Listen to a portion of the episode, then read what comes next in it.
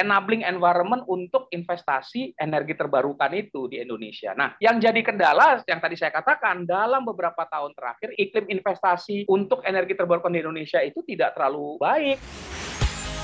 Broadcast. Broadcast. Bernas, luas, dan tuntas. Powered by Business Indonesia.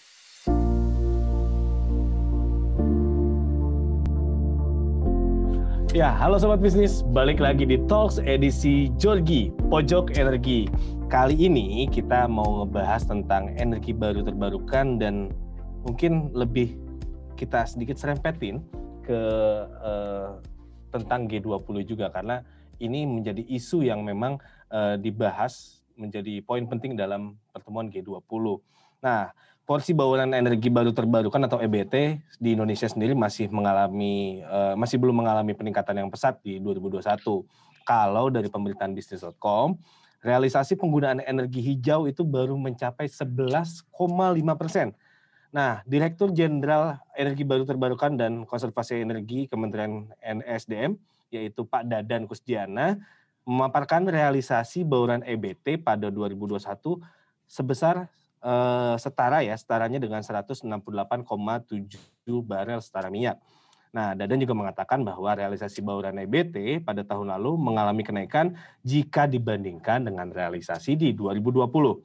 Karena adanya peningkatan uh, biofuel, lalu ada kenaikan pemanfaatan, pemanfaatan listrik yang bersumber dari EBT.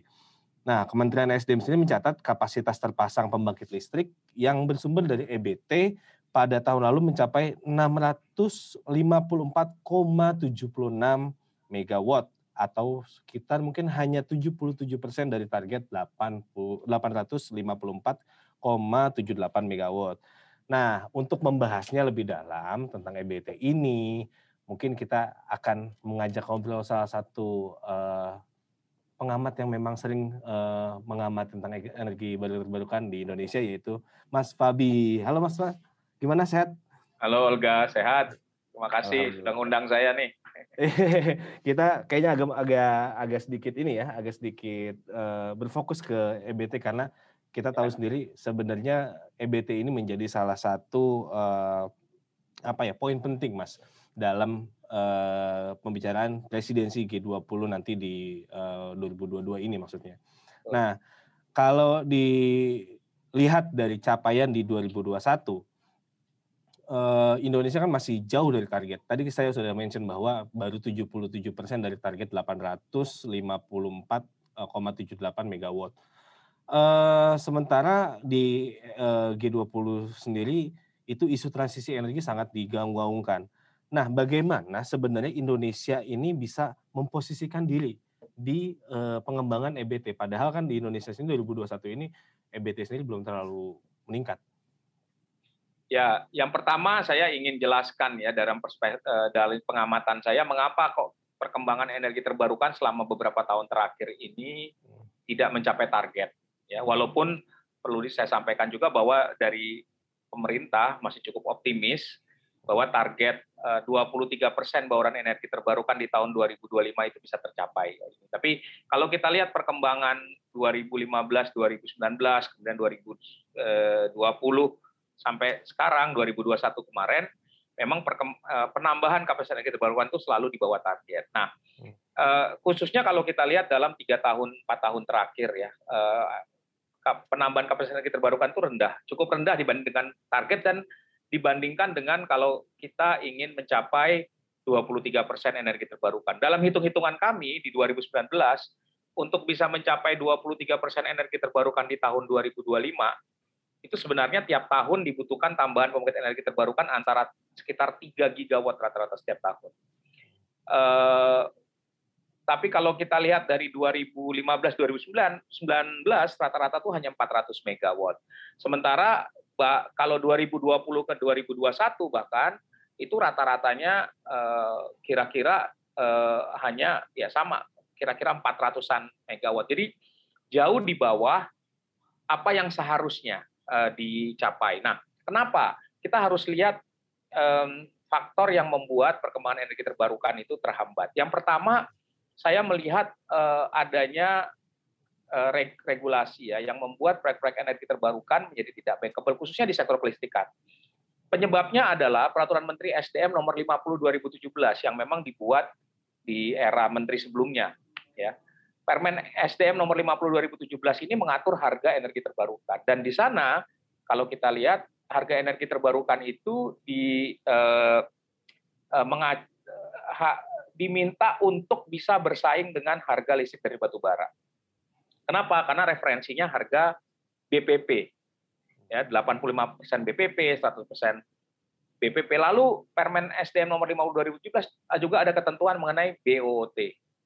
Nah, dua hal ini yang kemudian membuat proyek-proyek energi terbarukan menjadi tidak bankable. Jadi proyek-proyek yang dikembangkan berdasarkan Permen ini yang masuk ke dalam RUPTL sebelumnya itu tidak bisa mendapatkan pendanaan karena tidak bankable. Nah, sebenarnya koreksinya sudah coba dibuat misalkan uh, ada ada beberapa revisi ya yang di yang dibuat oleh Menteri uh, Pak Arifin Tasrif itu misalnya yang tadinya BOOT itu diganti dengan bisa BOO. Jadi itu sudah mengurangi satu masalah. Tetapi yang lain adalah mas, masalah harga. Nah, mengenai harga ini um, sudah di dalam dua tahun terakhir sebenarnya sudah dibahas mau eh, dibahas mau diganti oleh peraturan presiden tentang harga energi terbarukan. Tapi sejak akhir 2019 prosesnya, kebetulan saya juga ikut terlibat dalam pembahasan-pembahasannya, saya ikut ngitung gitu ya.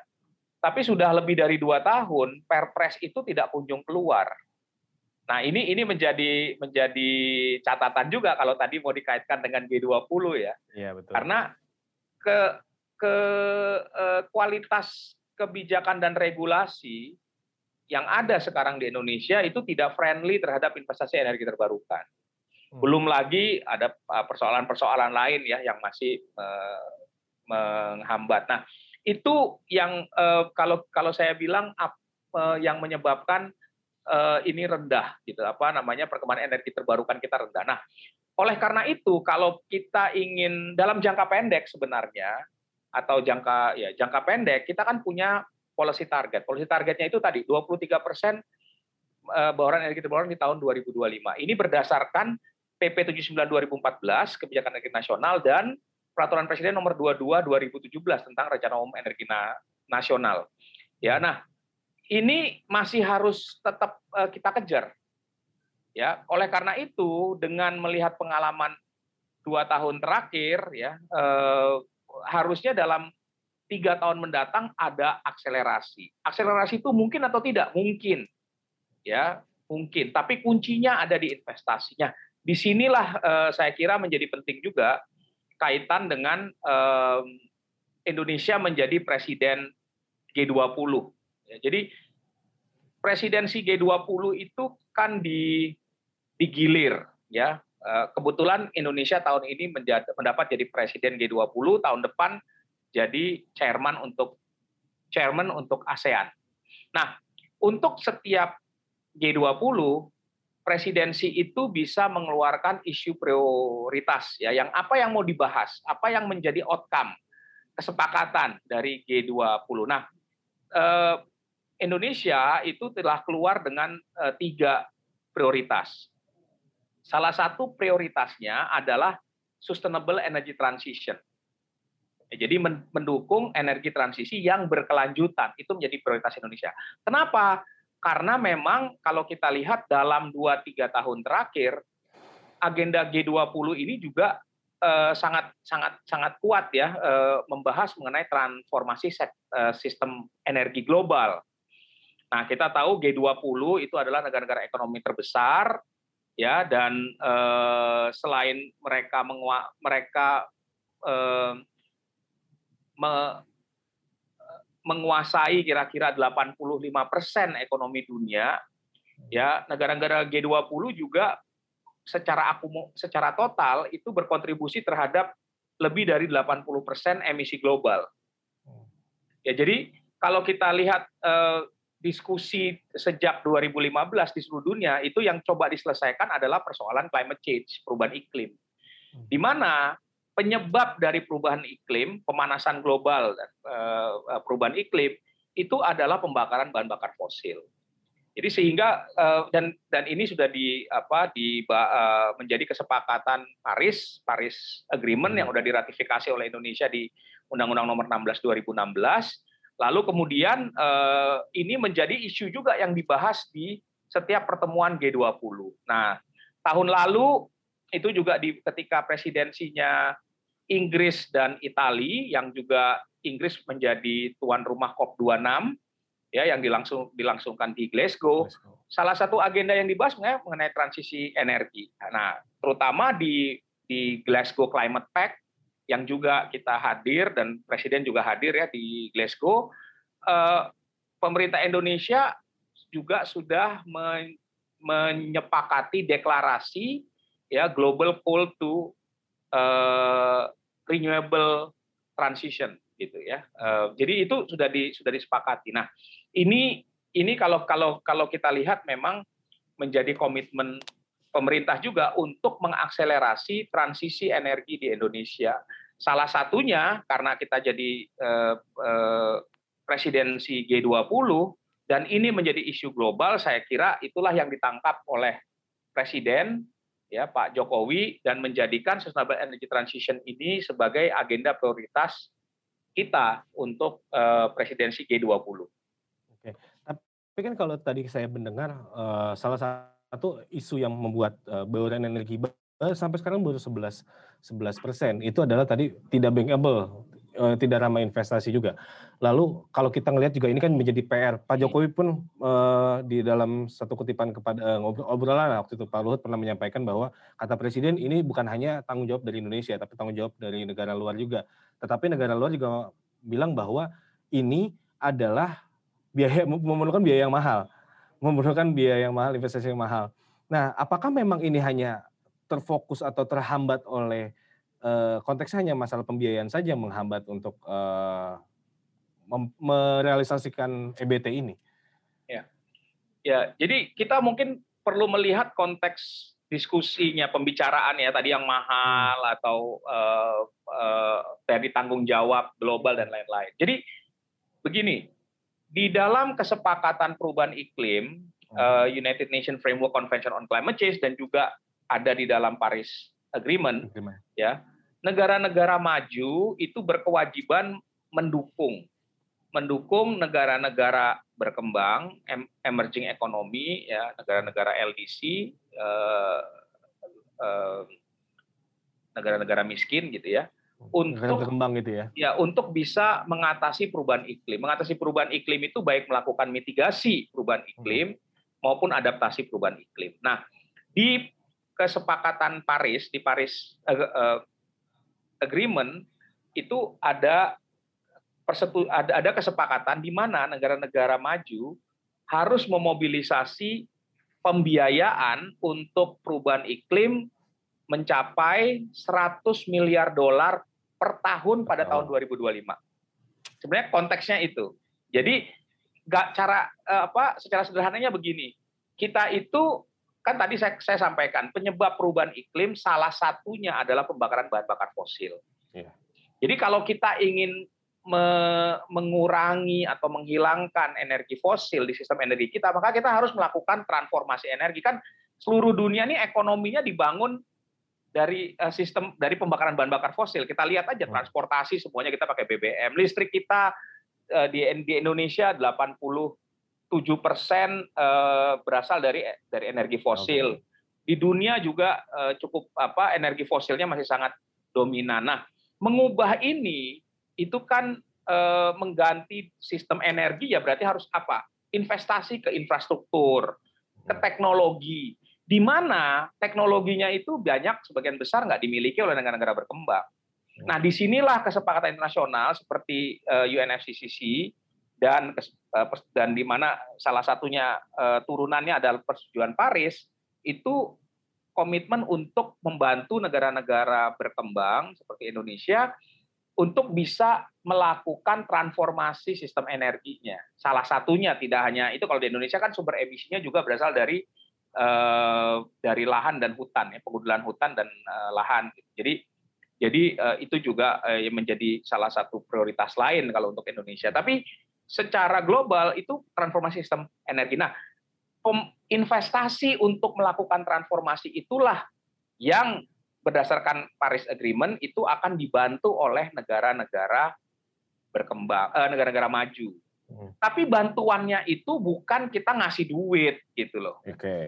Bukan eh, eh nih kamu ya saya kasih uang sekian ya tidak seperti itu karena bantuan itu bisa dalam bentuk misalnya investasi tapi investasi yang eh, dengan pembiayaan yang eh, konsesional gitu.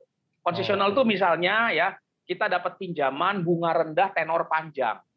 Hmm. Ya, jadi nggak nggak kita ya selain memang kita bisa saja diberikan dalam bentuk hibah grant ya, hmm. ya tapi bisa juga dalam bentuk investasi uh, yang B2B, tadi atau nggak G2G berarti ya investasi ya ya sifatnya ya nah, bisa jadi perjanjian G2G tapi kemudian nanti uh, apa implementasinya itu bisnis to bisnis itu bisa. Oh. tapi bentuknya seperti se, apa seperti jadi bukan bukan eh saya punya uang 100 miliar dolar nih saya bagi-bagi. Nggak nggak seperti itu. Nah jadi ujung-ujungnya adalah apa? Ujung-ujungnya adalah investasi melalui investasi terjadi transfer teknologi. Jadi ini yang yang perlu dipahami sebenarnya. Ini bukan uh, uh, uh, sekedar dikasih duit, tapi memang begitu. Nah, karena ini sifatnya investasi, ya maka siapa yang harus berinvestasi? Yang berinvestasi itu adalah ya investor baik di baik dari negara maju maupun yang ada di negara ber, negara negara ber negara berkembang itu misalnya investor dari Indonesia kan ada hmm. juga baik itu BUMN maupun swasta yang bisa berinvestasi.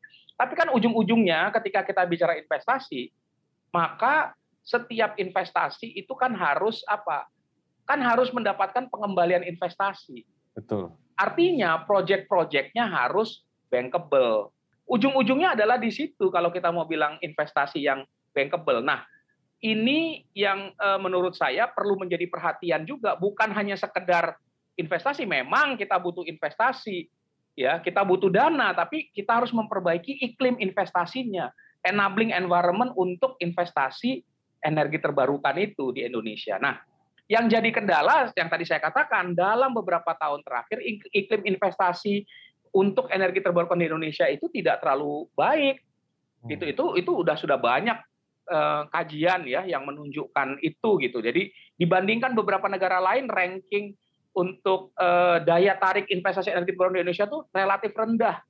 Dan khususnya tadi ada beberapa regulasi yang menjadi penghambat sebenarnya. Nah, tapi yang juga menurut saya dalam konteks Indonesia yang lebih yang lebih uh, uh, yang yang yang khusus yang seperti tadi dibicarakan mahal dan harus ditanggung oleh negara-negara lain kita ini kan di Indonesia ini udah kebanyakan membangun PLTU. Yeah. Ya, PLTU kita 65% dari pasokan listrik kita berasal dari Magresik Naga, okay. Naga Uap Batu Bara ya. Yeah. Dan bahkan bisa menjadi 67%. Nah, apalagi kondisi karena Covid, karena terjadinya eh, kesalahan dalam memproyeksikan permintaan ya sehingga eh, ingat dulu 2015 dicanangkan proyek 35 35 gigawatt yang sebagian besar dari PLTU ya karena untuk mengantisipasi pertumbuhan listrik yang tinggi kenyataannya dalam lima tahun terakhir pertumbuhan listrik kita di bawah lima persen padahal proyeksinya proyek 35 gigawatt itu di atas 8 persen pertumbuhan listriknya sehingga kondisi hari ini ada over capacity. Nah untuk over capacity ini ini diperkirakan masih eh, perkiraan proyeksi demand PLN itu kan terlambat tiga tahun dari yang direncanakan. Jadi sebenarnya demand yang direncanakan di 35 gigawatt tahun ini itu baru kejadian nanti tahun tiga tahun lagi. Ya, sekarang 2022 eh 2021 eh, kemarin nanti baru 2024 baru bisa baru bisa kejadian. Sehingga memang ada ada ada ada semacam uh, ya dibilang saat ini over capacity ya makin kita. Nah, untuk bisa dengan over capacity itu yang kemudian sistem pembangkitnya eh, sistem pembangkitannya itu didominasi oleh PLTU ya eh, untuk menambah energi terbarukan yang tadi saya katakan kita butuh bangun 2-3 gigawatt per tahun untuk mencapai ya. target eh, RUN saja gitu ya maka kalau ini dibangun demand-nya nggak nambah kan gimana mau diserap itu listriknya? Nggak ada yang nggak ada yang nilai nah, semuanya. Ya? Iya, jadi jadi memang jadi memang di dal kita dalam kondisi yang nggak me, tidak menguntungkan. Nah, oleh karena itu kalau kita ingin mendorong energi terbarukan itu lebih banyak di sistem, maka perlu ada eh, kompromi. Kom, apa jenis komprominya? Pembangkit-pembangkit listrik batu bara, pembangkit-pembangkit termal khususnya. Itu harus dipensiunkan secara lebih dini. Nah, di sinilah yang kemudian yang kemudian sejak tahun lalu itu mulai di, mulai dikaji. Memungkinkah Indonesia melakukan pensiun batubara secara dini dikaji dari aspek legalnya, aspek teknisnya. Jangan sampai hmm. kalau batubara kita pensiunkan dini, terus eh, nanti kita kekurangan listrik, ya. Atau Kayak kejadian di Eropa dan di China kemarin ya? Ya, nah itu konteks yang berbeda. Nanti mungkin lain kali kita bisa bahas hmm. karena faktornya agak berbeda dengan okay. Indonesia. Tapi bahwa kita hmm. harus memastikan uh, uh, ketersediaan listrik pasokan listrik yang handal, yang cukup itu kan uh, harus ya. Nah, hmm. yang lain juga adalah apa? Loh, kontrak-kontrak ini pembangkit-pembangkit ini kan ada kontraknya, baik yang dimiliki oleh anak perusahaannya PLN atau join join uh, anak perusahaan PLN dengan swasta atau yang swasta murni, yang IPP ya, uh, yang swasta kan gitu kan. Nah, mereka ini kan kontraknya us usianya rata-rata 30 tahun. Ya, kalau belum 30 tahun pembangkitnya sudah dipensiunkan, itu gimana secara legal mungkin kan atau tidak? Mungkin saja, tetapi sisa kontraknya yang dibayar. Gitu. Nah, itu yang kemudian skema yang sekarang sedang di sejak tahun lalu itu dikaji oleh Asia Development Bank itu namanya uh, uh, early coal retirement. Jadi re, uh, pensiun dini PLTU ya dengan menggunakan skema energy transition mechanism itu kira-kira. Nah, inti dari ITM itu adalah tadi eh, pembangkit-pembangkit yang ya berdasarkan kriteria misalnya tidak efisien, eh, emisi gas rumah kacanya tinggi, lalu kemudian eh, polusinya misalnya juga tinggi ya, sehingga menciptakan dampak lingkungan dan sosial yang yang besar. Nah, ini dia bisa dipensiunkan dini. Tapi jadi yang tadinya kontraknya itu misalnya 30 tahun, itu mungkin 15 tahun dia udah dipensiunkan. Nah, sisa 15 tahun kontraknya itulah yang dibayarkan.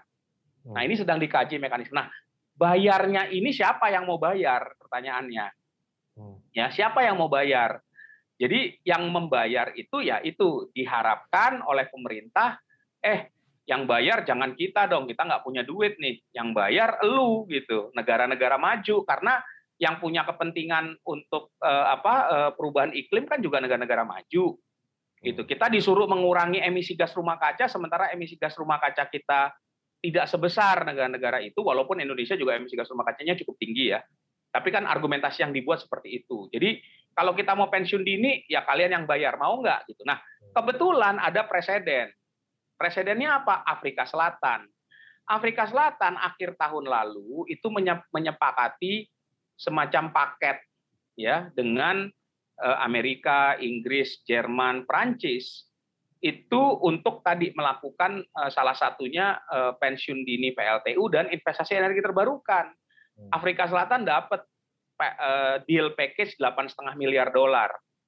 Gitu. Nah, inilah yang mau dikopi oleh Indonesia dengan dengan yang Afrika Selatan. Jadi jadi ini uh, spesifik ya. Tadi saya katakan UNFCCC ada kewajiban menyediakan 100 billion dollars. Indonesia punya ke, punya punya ke, eh, kesempatan untuk melakukan pensiun dini PLTU sekaligus kalau PLTU-nya dipensiunkan, maka kan pembangkit listriknya harus kapasitasnya harus diganti. Diganti dengan apa? Dengan energi terbarukan. Berarti ada investasi untuk energi terbarukan. Nah, kalau gitu berbicara kan berarti kan kita akan beralih ke masalah operatornya sendiri si PLN dan juga uh, Pertamina yang akan menjadi uh, operator untuk yang di untuk menjalankan transisi energi inilah dari yang biasanya mereka menggunakan uh, energi fosil.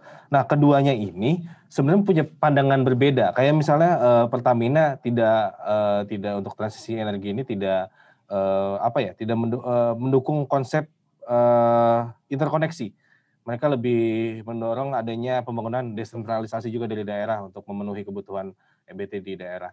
Uh, PLN uh, juga sama punya pandangan yang berbeda tentang transisi energi ini. Nah, uh, kalau kita lihat dari sini otokritik dari Mas sendiri seperti apa? Melihat pandangan berbeda antara antar dua BUMN ini. Padahal kan mereka adalah backbone dari energi ini terutama ya. untuk yang akan berubah menjadi energi baru terbarukan. Jadi kalau saya lihat dalam kasus PLN dan Pertamina, rencana atau strategi transisi mereka melakukan transisi energi itu berangkat dari ya bisnis mereka, hmm. kondisi bisnisnya, lingkungan bisnis mereka gitu. Itu yang itu yang uh, jadi dasarnya. Hmm. Misalnya apa? Pertamina itu kan bisnisnya adalah ju, uh, produksi dan jualan bahan bakar minyak. Ya kan?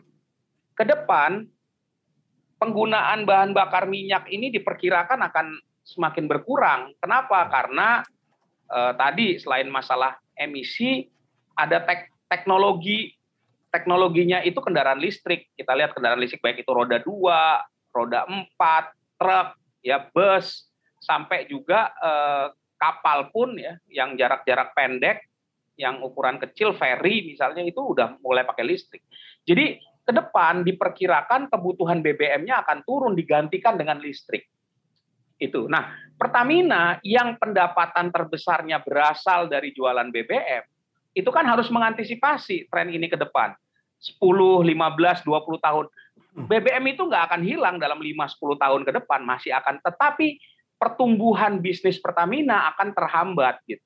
Nah, kalau dia mau tetap tumbuh, maka dia harus memikirkan tran, apa, transformasi bisnisnya. Ini yang saya lihat kemudian Pertamina e, melakukan ya e, restrukturisasi, ada holdingisasi. Salah satu holding yang dibentuk adalah e, Pertamina Power Indonesia. Pertamina Power Indonesia punya target 10 gigawatt e, pembangkitan energi terbarukan di tahun 2025 yang berasal dari beberapa salah satunya panas bumi ya di mana kita tahu uh, uh, PGE itu yang memiliki memang sumber daya panas bumi terbesar saat ini dan dan dan dan itu. Jadi per, Pertamina strategi bisnisnya adalah mulai melakukan diversifikasi. Diversifikasi ke mana masuk ke bisnis kelistrikan.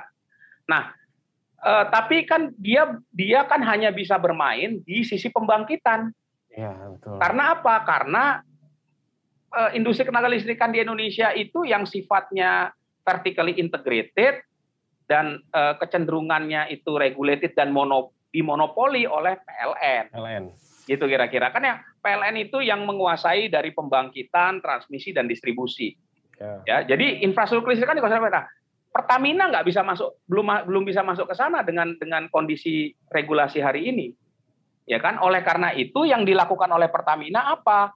Yang dilakukan oleh Pertamina yang saya lihat dia mau meningkatkan energi terbarukan karena ini juga uh, dia mau menurunkan emisi gas rumah kaca dengan cara pemanfaatan energi terbarukan untuk fasilitas-fasilitasnya.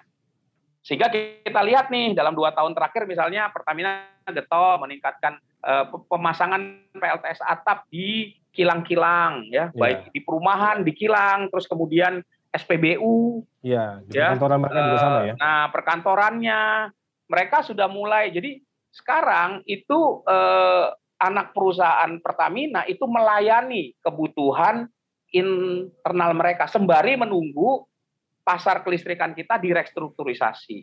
Sementara yang panas bumi kita lihat mereka kan sudah eh, sudah punya kontrak-kontrak eh, dengan PLN. Ya, ke depan mereka mau ngembangin juga panas buminya punya potensi sampai 1.500 megawatt. Tapi kan terkendala. Kenapa? Terkendala dia nggak bisa jual ke PLN karena katanya PLN kan over capacity. Nah, hmm, jadi ini ini yang menurut saya uh, uh, stra, itu strategi bisnisnya.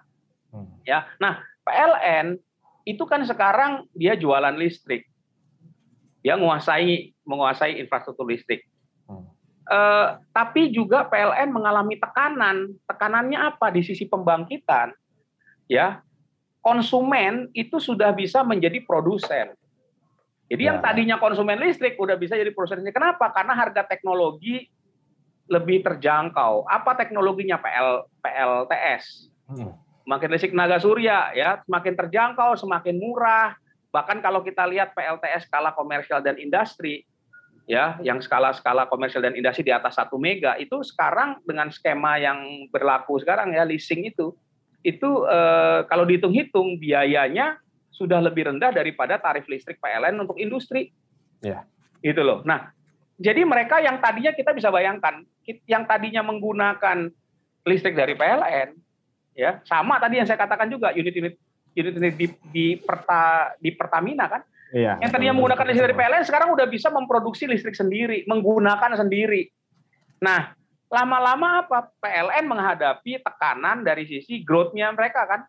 Hmm. Growth-nya juga bisa terhambat. Nah, apalagi dengan teknologi baterai semakin murah apalagi hmm. muncul mobil uh, teknologi mobil listrik ya uh, yang tadi juga dihadapi oleh Pertamina kalau Pertamina menghadapkan mobil listrik itu mengurangi mengurangi penjualan penjualan BBM di SPBU PLN nanti bisa akan juga menghadapi orang menghasilkan listrik sendiri dipakai sendiri gitu. Nah, ini yang yang yang dihadapi oleh PLN sehingga memang PLN juga perlu melakukan transformasi ya berubah gitu yang realitas pasarnya memang sudah begitu. Orang orang mungkin ketika baterai semakin murah dan semakin terjangkau dan saya kira itu dalam lima tahun ke depan itu itu menjadi sangat disruptif ya teknologi PLTS atau PLTB di, di coupling dengan baterai itu akan membuat list, mereka bisa menyediakan listrik secara lebih murah dan lebih panjang gitu sehingga akan lebih sedikit ke akan bergantung pada kebutuhan uh, listrik PLN dan ini kita bisa lihat terjadi di negara-negara lain. Gitu loh. Di mana terjadi yang namanya fenomena grid def, deflection. Gitu. Disrupsi itu sudah mulai terjadi sekarang ini. Dan kita sudah lihat dan disrupsi itu bisa terjadi dengan sangat cepat gitu ya. Nah, tapi pada sisi yang lain kita tahu juga kalau tadi eh, saya bilang eh, Indonesia itu ujung-ujungnya mau menghasilkan listrik dari energi terbarukan, kita lihat Indonesia ini dari Sabang sampai Merauke ya, ada 17.000 pulau kalau kita lihat Indonesia yang luas ini, sumber energi terbarukannya semuanya ada di Indonesia dan tersebar. Kita bilang apa? Ya air. Air itu ada, ada di banyak waduk di Indonesia. Ada di ya yang gede-gede kalau kita bilang PLTA skala besar sekarang ada di Kalimantan Utara, ya. ada di Papua ya. Kalau kita bilang biomasa ada potensi 30 gigawatt untuk biomasa dari limbah pertanian saja. Yang lain apa? uh, uh, yang yang angin itu ada potensi angin, tapi yang besar itu PLTS. Karena dari sisi land mass kita cukup kita cukup besar. Hasil kajian kami di ISR itu menunjukkan uh, berdasarkan ketersediaan lahan yang sesuai dengan PLTS, potensi teknis PL tenaga surya di Indonesia itu mencapai 3.400 giga sampai 20.000 giga. Itu potensi PLTS. Nah, sebagai gambaran, kami sudah menghitung kalau Indonesia mau 100% energi terbarukan di 2050, kita butuh kapasitas pembangkit 1.800 gigawatt untuk konsumsi di atas 8.000 kWh per kapita per tahun. Ya tentunya ini ya harus dilengkap apa dan sebagian besar adalah PLTS. PLTS-nya 1.600 giga. Jadi sebenarnya potensi PLTS di Indonesia itu bisa memenuhi kebutuhan listrik kita pada tahun 2050 tentunya kalau kita bangun PLTS ya kita harus bangun storage energi hmm. apa penyimpan energi. Tapi potensi energinya sangat-sangat besar. Nah, tapi kita lihat di mana demand terbesarnya. Demand terbesarnya itu ada di Pulau Jawa. Ya, Jawa itu 60 65 persen energi listrik itu ada di Jawa. Nah, tapi kan Jawa itu kecil, ya kalau kita bilang potensi energi terbarukan di Jawa itu juga terbatas pastinya apalagi udah padat ya walaupun ya, kita bisa pasang ada lahan. PLTS di atas atap tapi kalau mau bangun membangun pembangkit listrik skala 100 100 mega yang butuh lahan sekian ratus hektar atau 500 mega itu ya kalau di waduk mungkin ya yang kemarin yang sedang dibangun sekarang di Cirata floating PV 145 hmm. mega ya tapi kan eh, yang untuk di land itu sulit nah tetapi uh, uh, uh, sumber energi terbarukan itu tersebar kan di tadi yang saya katakan di Kalimantan Utara ada PLTA 12.000 megawatt ya. Nah, untuk bisa membuat uh, listrik dari energi terbarukan itu uh, dibawa ke pusat beban dan di mana pusat bebannya itu ada di Jawa, maka kita butuh interkoneksi.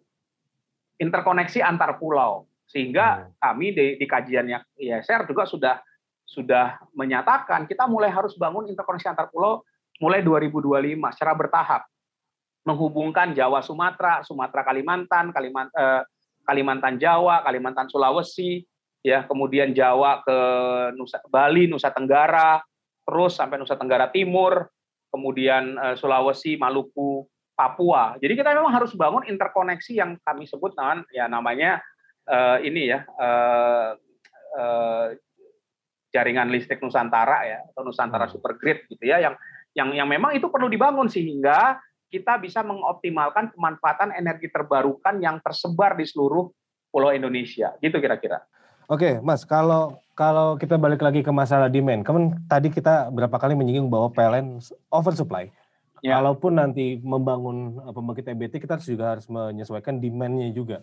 Ya. Nah, eh, sebenarnya kan udah ada kerjasama antara Kemendagri juga Kementerian SDM untuk meningkatkan ya demand-nya sendiri dengan mungkin pemerintah daerah menggunakan uh, mungkin EV gitu kan seperti yang di, di pemerintah pusat sudah me, membuat apa menyediakan kendaraan listrik untuk uh, operasional itu kan juga meningkatkan untuk penggunaan uh, listrik.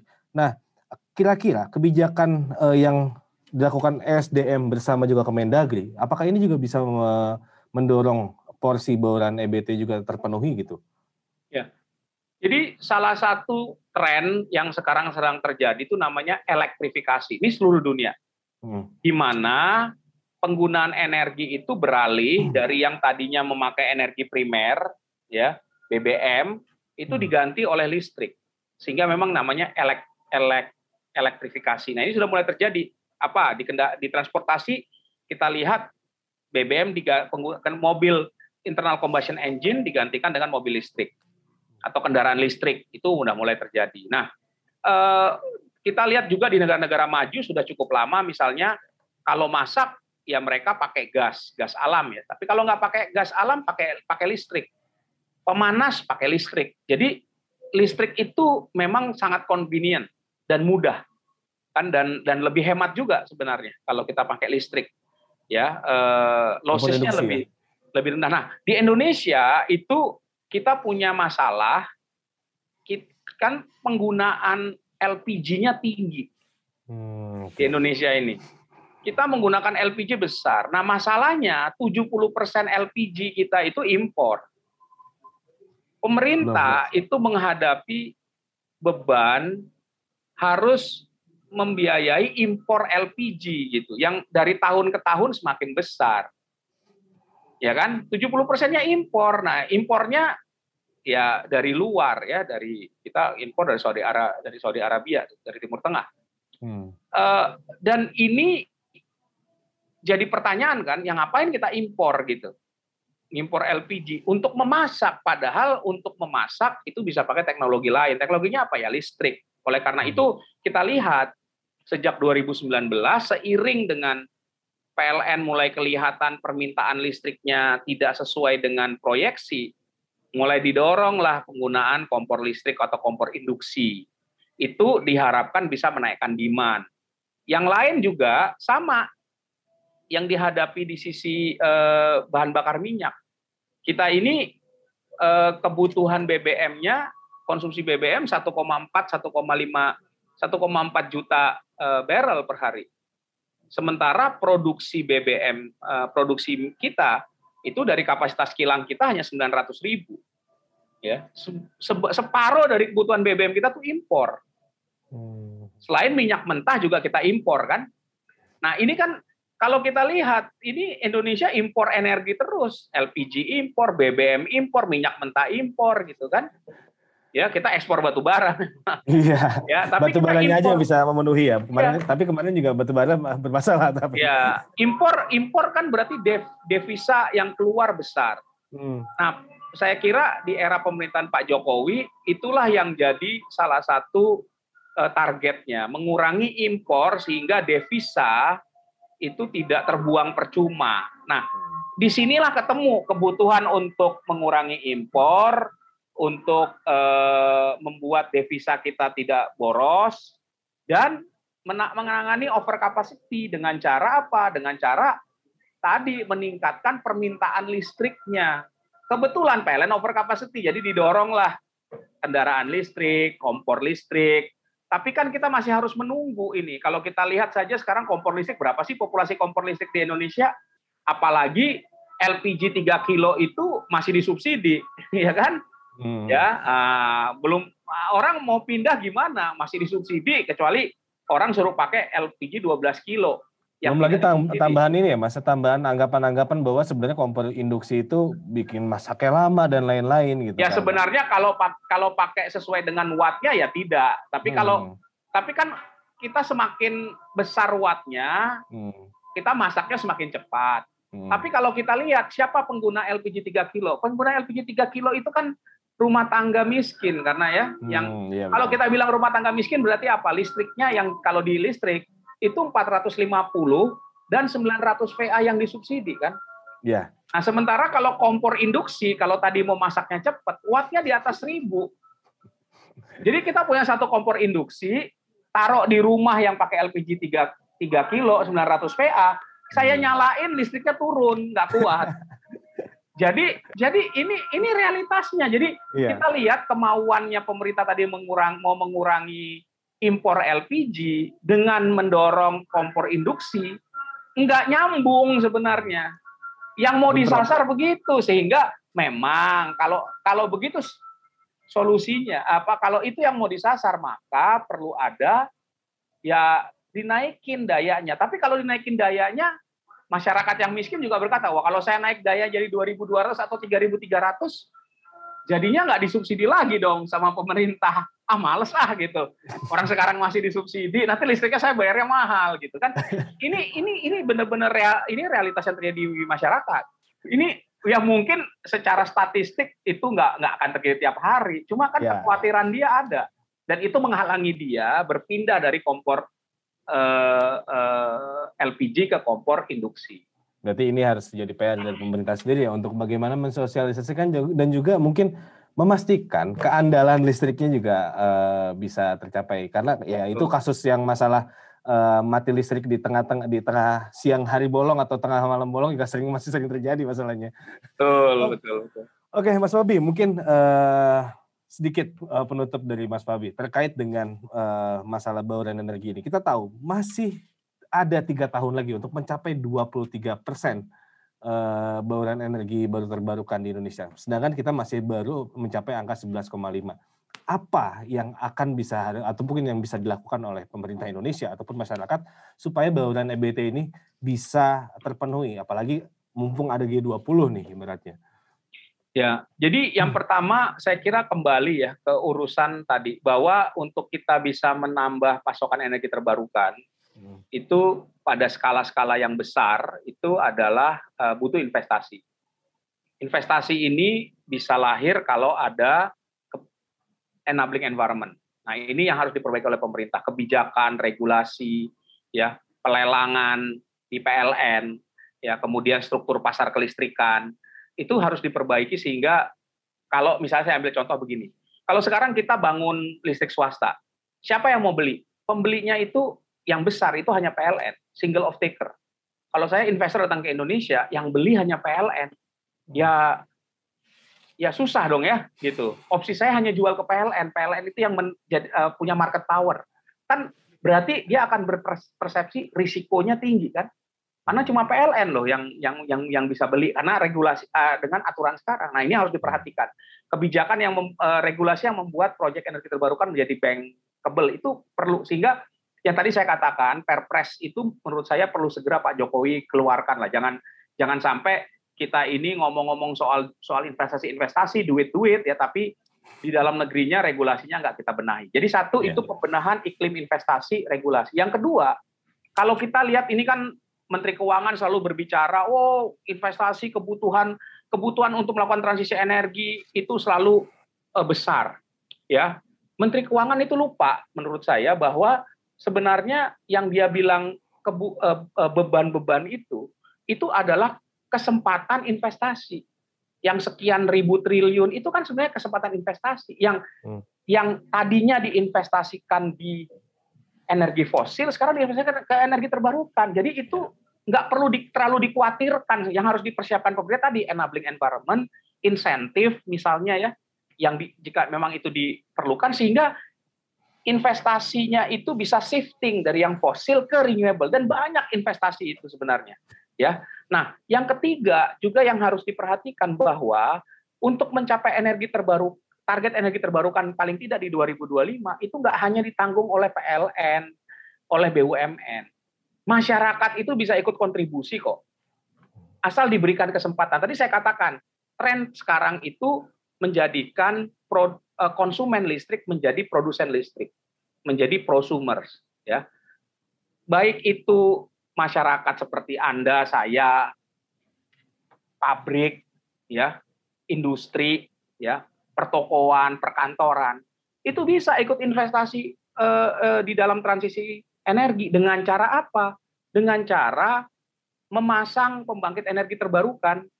Apa yang sekarang aksesibel dan mudah ya PLTS, PL, PLTS atap itu bisa. Kalau yang bisa pasang baterai, PLTS dengan baterai. baterai. Kita kita ini ini studi yang kami lakukan di ISR.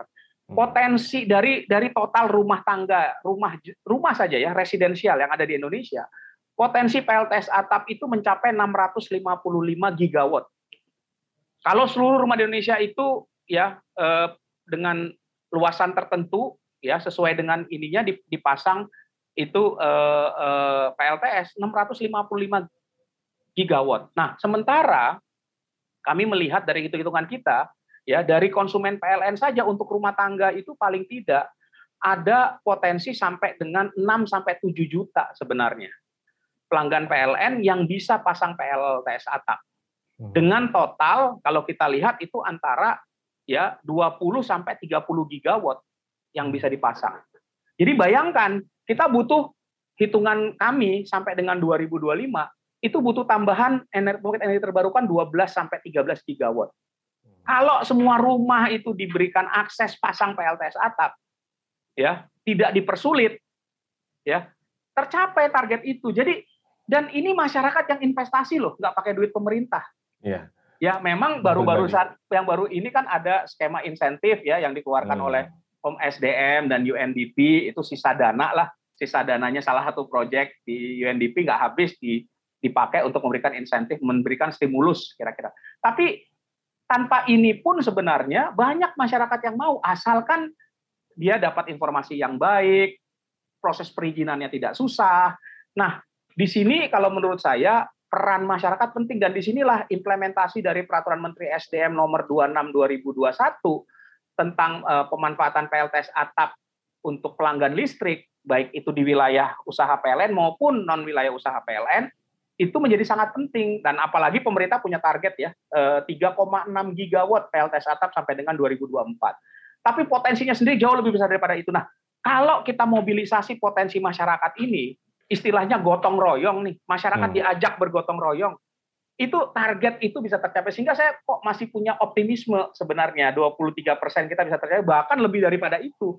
Kuncinya apa? Kuncinya jangan dipersulit, kalau pemerintah bisa memberikan insentif dilanjutkan seperti sustainable energy finance itu, ya yang yang dibuat dengan voucher itu di, di, dilakukan itu baik. Bahkan yang yang kami pernah usulkan ke 2020 lalu kepada pemerintah apa?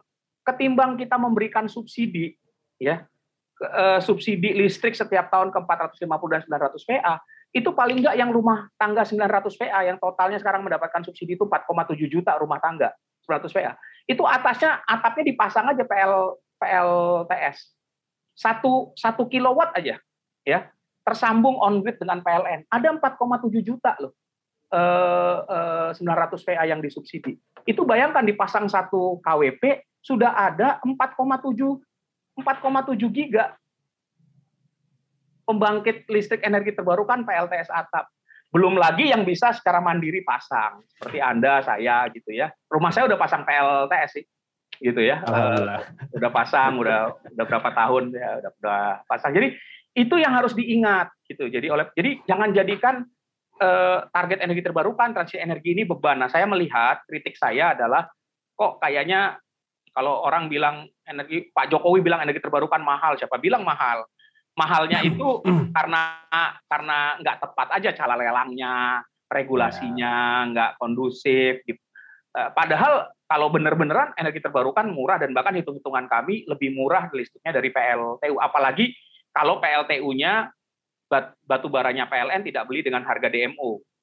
Ya, energi terbarukan jauh lebih murah, panas bumi lebih dari lebih murah gitu ya. Uh, air jauh lebih murah, PLTS dan storage bisa lebih murah. Jadi hmm. jadi tergantung sebenarnya. Menurut saya ini perlu menjadi bahan evaluasi pemerintah sih hmm. uh, untuk merumuskan kebijakan yang paling optimum dan memanfaatkan tadi G20 bahwa Indonesia itu menjadi contoh dan menjadi apa ya? Uh, mungkin kita walk kita walk uh, walk walk the talk istilahnya gitu ya. Jadi kita bilang kita dukung transisi energi, kita mulai nih apa? Ya pemerintah bilang kita dorong masyarakat kita pasang PLTS atap. Regulasinya dibuat streamlining, kita implementasikan Permen SDM nomor 26 2021 secara konsisten. Gitu kira-kira. Oke, ini cukup menarik banget ya. Kita udah pembahasannya sangat sangat mendalam banget bagaimana memang regulasi memang menjadi hal yang penting dan juga dukungan dari masyarakat bagaimana bisa ikut membantu meningkatkan bauran energi ini. Dan terima kasih untuk Mas Fabi uh, atas uh, obrolan ini sangat sangat sangat menarik sekali dan juga mudah-mudahan bisa menjadi uh, apa ya bahan sosialisasi juga ya untuk masyarakat untuk ikut juga turut serta uh, membangkitkan uh, energi baru terbarukan. Dan sobat bisnis, uh, itu tadi obrolan kami dengan Mas Fabi, uh, direktur eksekutif dari ISR, dan nantikan uh, program lainnya, podcast talks di edisi-edisi berikutnya.